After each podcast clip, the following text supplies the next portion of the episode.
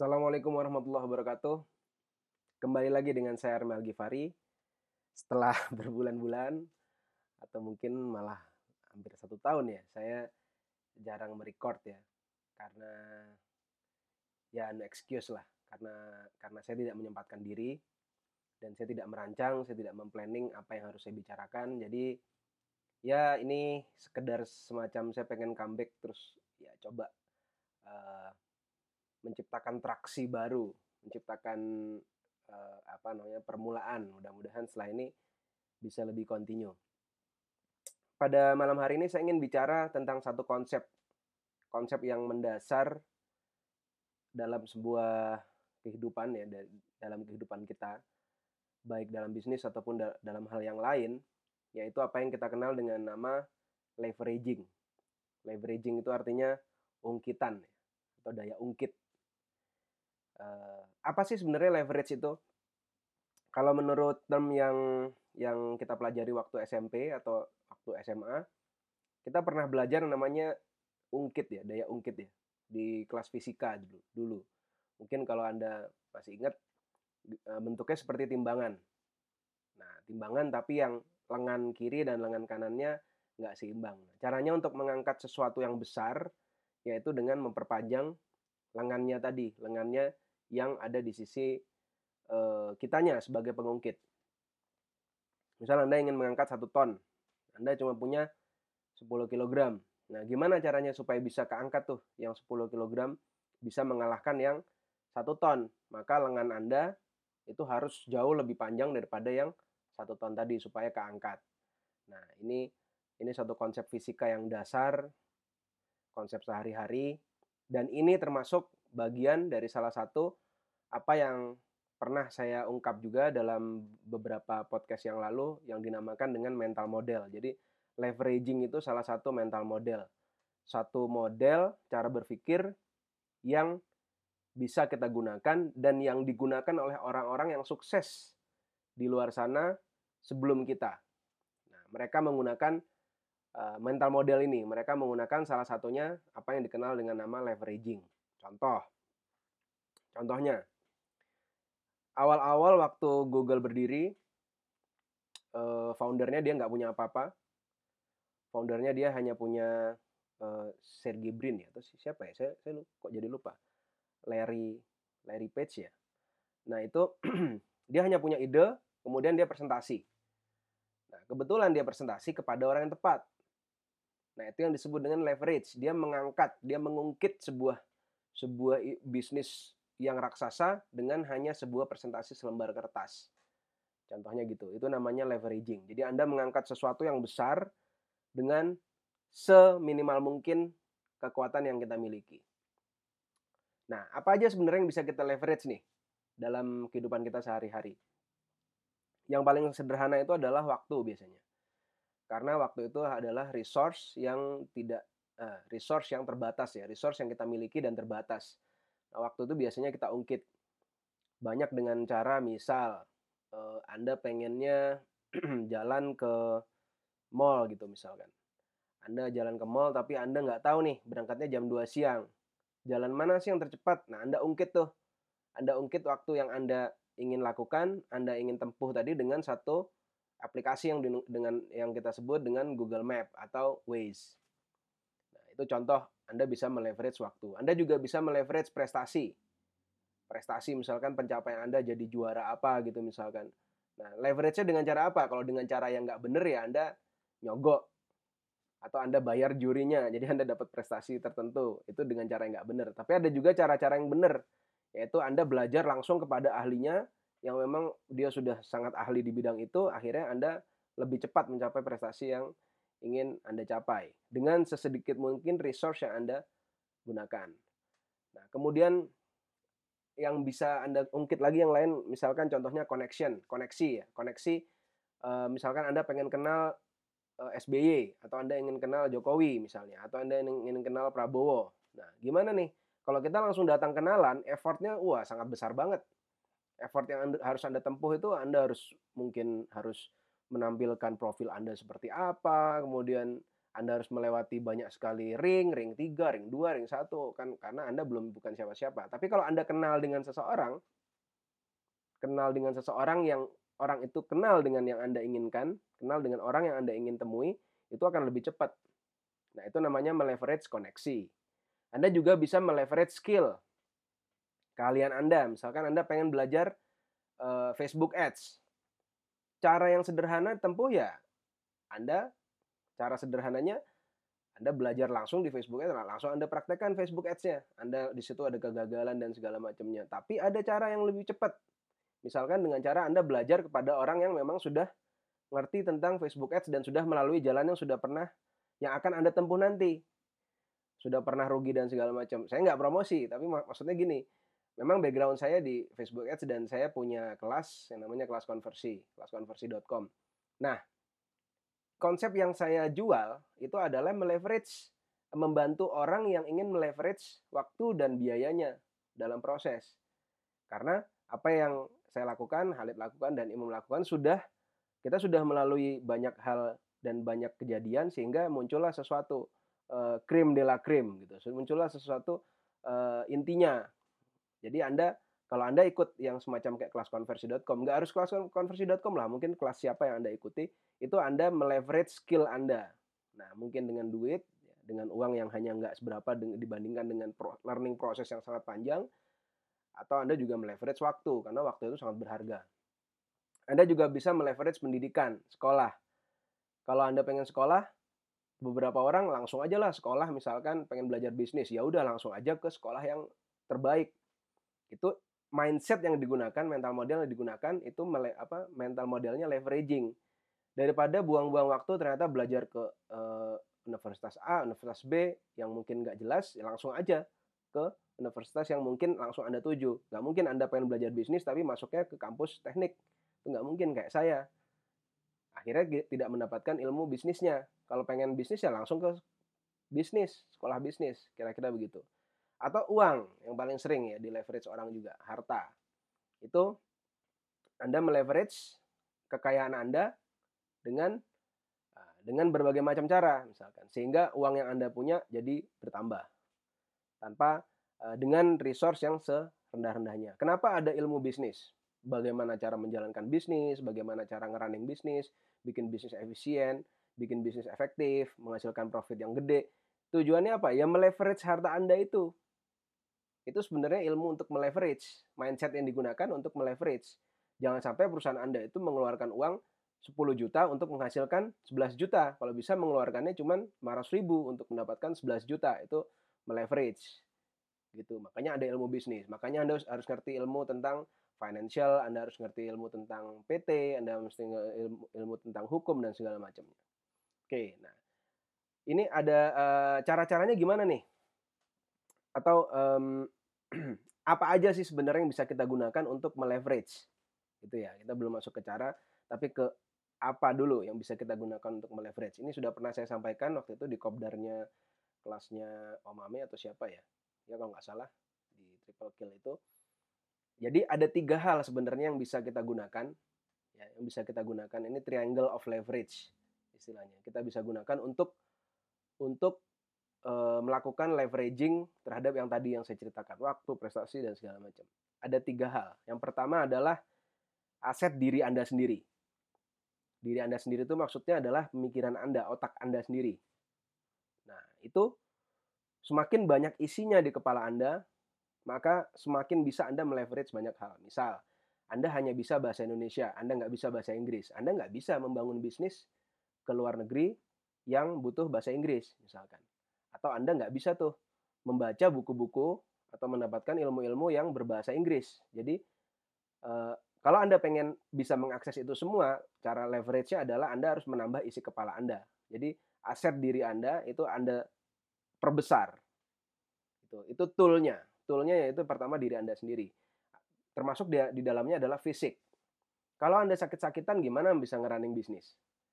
Kalau Anda sehat, Anda sehatnya luar biasa, Anda bisa mengerjakan bisnis jauh lebih panjang waktunya atau jauh lebih konsentrasi sehingga bisnis Anda jadi lebih gede. Itu meleverage. Jadi kalau ada kita berbisnis tapi kita nggak memperhatikan fisik kita, itu ya berarti orang itu tidak ingin menggunakan dirinya sebagai leverage. Padahal itu sebenarnya paling tanpa modal.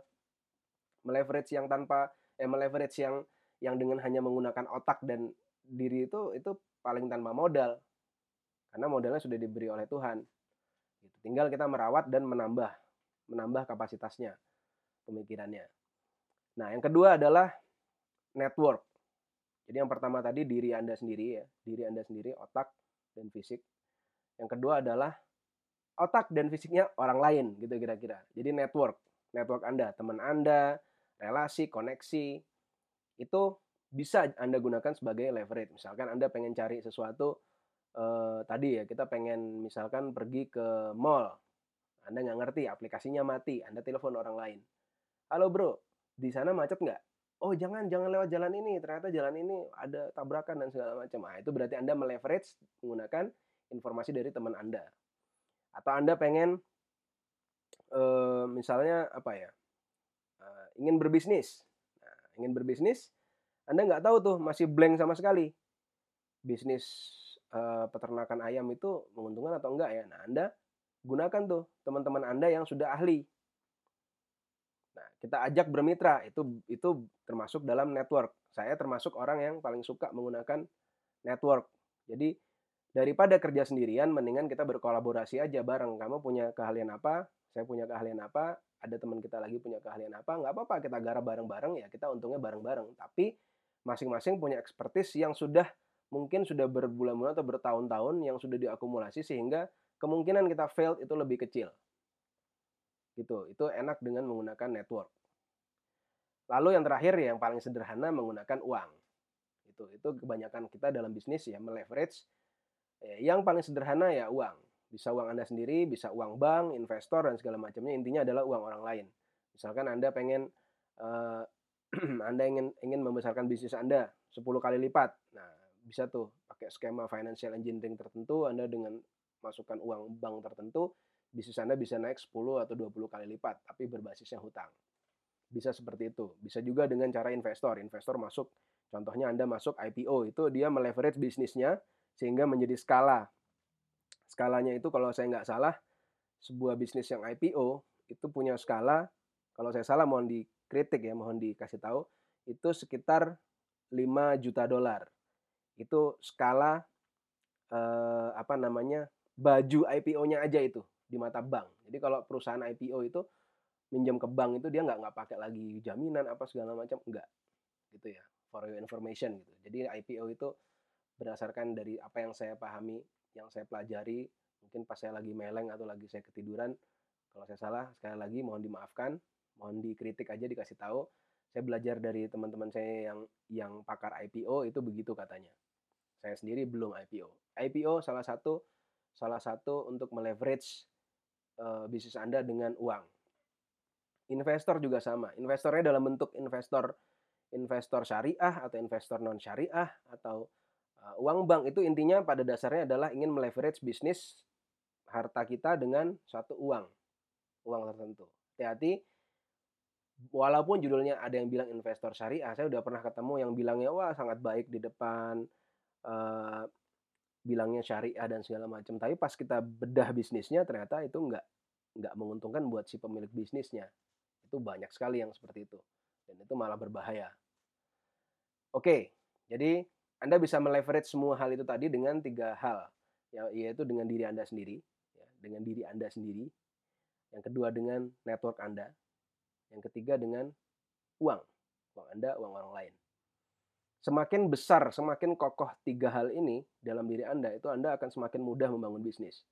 Semakin Anda, contoh, terhadap diri Anda sendiri, semakin Anda mengerti banyak hal, semakin Anda sering membaca buku, semakin Anda sering ketemu orang, semakin sering Anda punya perspektif lain, ide bisnis lain, silaturahim dengan orang lain, semakin banyak Anda ketemu orang, otomatis informasi di kepala Anda makin banyak. Otomatis Anda bisa meleverage banyak hal itu. Menjoinkan bisnis dari misalkan Pulau Jawa ke Sumatera atau siapa. Saya pernah ketemu orang-orang yang seperti itu ya. Bahkan orang-orang yang sangat besar bisnisnya, rata-rata dia meleverage-nya awalnya itu dari diri Anda sendiri. Jadi jangan males kayak baca buku, mendengarkan mendengarkan apa menonton YouTube yang sifatnya informatif, jangan hanya film-film aja gitu. Atau Anda menonton Netflix juga, Anda cari Netflix film-film yang memang bisa menambah sesuatu di dalam diri Anda. Yang kedua network, perbanyak relasi teman-teman koneksi salah satunya ya mungkin workshop. Anda rajin ikut workshop itu juga menambah koneksi. Anda tahu caranya memperkenalkan diri Anda seperti apa. Anda tahu e, nanti saya bahas setelah ini Anda tahu siapa yang harus Anda temui dan segala macamnya. Dan terakhir uang. Anda harus tahu di mana kantong-kantong uang berada. Anda harus tahu investor siapa. Anda harus tahu bagaimana berkomunikasi dengan orang bank. Anda harus tahu bagaimana caranya posisi bank itu lebih sejajar dengan kita ya sejajar atau malah mungkin sebisa mungkin lebih rendah dari Anda gitu. Karena bank itu sebenarnya dalam tanda kutip pelayannya buat orang-orang bisnis. Bukan dalam arti kita ngomong riba atau non riba, enggak. Contohnya misalkan memudahkan Anda transfer bank. Saya sering misalkan saya transfer karena banknya sudah sangat dekat. Eh, kadang-kadang kita selisihan jam atau waktu kita diduluin. Bisa kayak gitu misalkan. Atau resi-resi pengiriman itu dijemput diambil ke kantor. Tanda tangannya di kantor semua. Sedia kirim untuk situasi-situasi yang urgent-urgent seperti itu, nah bank itu bisa jadi leverage Anda. Bisa jadi uh, teman Anda untuk meleverage sesuatu. Nah, oke, okay, sekarang bagaimana nih caranya? Sekarang bagaimana caranya? Yang pertama adalah kalau Anda pengen leverage sesuatu, Anda harus tahu titik nol Anda dulu di mana. Oh, saya nggak ngerti ilmu tentang pajak saya nggak ngerti ilmu tentang finance, saya nggak ngerti ilmu tentang tim, saya nggak ngerti ilmu tentang ini. Jangan bilang ngerti, padahal nggak ngerti. Bilang bilang aja nggak ngerti terhadap diri anda sendiri. Anda nggak ngerti, oke. Okay. Anda ngerti, Anda tahu jadi posisi nol Anda di mana. Kalau Anda nggak ngerti posisi nol Anda saat ini, pelajari caranya mengetahui posisi nol Anda dengan cara apa? Feedback, feedback orang lain. Mungkin ada orang lain yang ngomong A, ngomong B itu berupa feedback. Atau Anda tanya orang yang dekat dengan Anda, saya ini kayaknya masalah saya di mana sih? Bisa dengan mentor, bisa dengan siapa, bisa dengan istri Anda atau suami Anda. Yang penting Anda tahu dulu posisi Anda saat ini ada di mana. Ground zero-nya tuh tahu. Nah, kalau sudah tahu, oh tahu nih, berarti saya harus meleverage A, B, C, D, E, F, G untuk mendapatkan satu titik yang saya ingin tuju. Saya ingin mengungkit bisnis saya, meleverage bisnis saya jadi satu miliar per bulan. Misalkan, oke, okay, satu miliar per bulan. Sekarang berapa saya? Saya baru 100 juta atau saya baru 10 juta. Masih ada gap tuh dari 10 juta ke 1 miliar. Something wrong nih. Mungkin saya nggak ngerti nih tentang ilmu marketing. Mungkin saya nggak ngerti tentang ilmu ini. Mungkin saya nggak ngerti tentang ilmu ini. Nah, Anda workshop. Jadi workshop atau Anda ikuti Anda Anda belajar di mana, buku apa, hanya dalam rangka untuk mengetahui ground zero Anda dulu. Posisi Anda di titik oh, titik saya di sini nih. Nah, kalau udah ngerti, cari dulu, Anda cari tahu dulu posisi Anda di mana. Sudah ngerti, barulah Anda masuk ke bagian yang kedua, yaitu mempelajari ilmu-ilmu yang Anda ingin, yang Anda kurang tadi, yang Anda nggak ngerti, untuk menuju ke satu titik yang sudah Anda targetkan. Jadi belajarnya nggak sembarangan, belajarnya nggak asal ada workshop, workshop spektakuler, ikut workshop ini, aku ikut nggak ya? Aku ikut nggak ya? Berarti dia nggak tahu tuh ground zero-nya apa. Kalau dia udah tahu, dia nggak akan pusing seperti itu oh saya nggak ngerti ilmu tentang finance. Oke, berarti tiga bulan ini, dua bulan ini saya ingin belajar tentang ilmu finance. Oke, saya ikut workshop. Ada nggak yang lebih cepat dari ikut workshop? Oke, saya cari teman-teman saya yang ahli finance. Bisa nggak saya bayar dia? Atau mau nggak dia kerjasama dengan saya untuk ngajarin saya, nanti saya kasih sesuatu. Misalkan gitu. Anda tahu tuh ground zero-nya. Anda mau minjem, Anda mau mau mau istilahnya mau naikin omset 100 mil, 1 eh, miliar per bulan, tapi neraca bisnis Anda masih masih 10 juta per bulan, ya berarti Anda butuh leverage. Butuh leverage bisa jadi bukan hanya intelektual, bukan hanya diri Anda yang ingin Anda leverage, tapi ya mungkin uang Anda. Atau bisa jadi Anda nggak, nggak bisa langsung ke satu miliar, Anda naik dulu ke 100 juta, baru ke satu miliar. Intinya Anda paham posisi Anda, lalu Anda tahu pelajari apa yang Anda butuhkan untuk menuju ke sana. Berdasarkan dengan ground zero yang sudah Anda tetapkan. Nah, yang ketiga, nah ini yang ketiga proses tweakingnya yaitu pikirkan, selalu pikirkan, apakah ada cara yang lebih cepat nggak untuk menuju ke sana? Ada nggak cara yang lebih cepat?